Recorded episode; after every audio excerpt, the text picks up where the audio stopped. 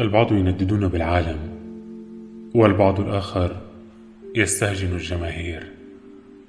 وفحوى القول مديح الماضي وإلقاء اللوم على الحاضر.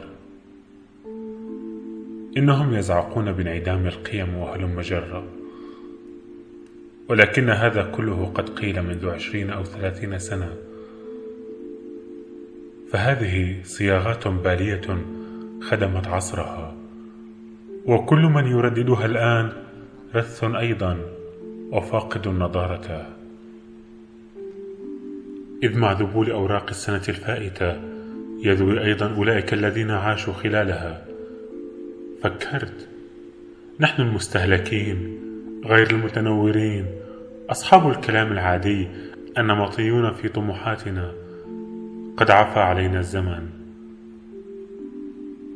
وفي حين أننا نحن المثقفين ننقب وسط الأسمال المهترئة تحتدم حولنا حياة لا نعرفها ولا نلتفت إليها.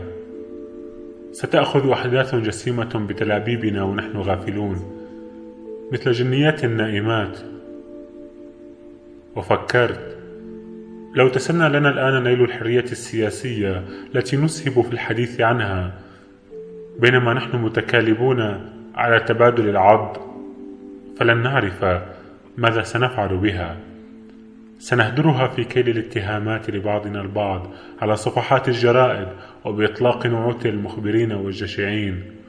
سوف نفزع المجتمع بالسفاهة بالسفاهة التي تكشف أن لا رجال بيننا ولا علم ولا أدب. وترويع المجتمع على النحو الذي نقوم به يعني حرمانه من الشجاعة. ويعني ببساطة أن نجاهر بافتقادنا إلى أي حس اجتماعي أو سياسي.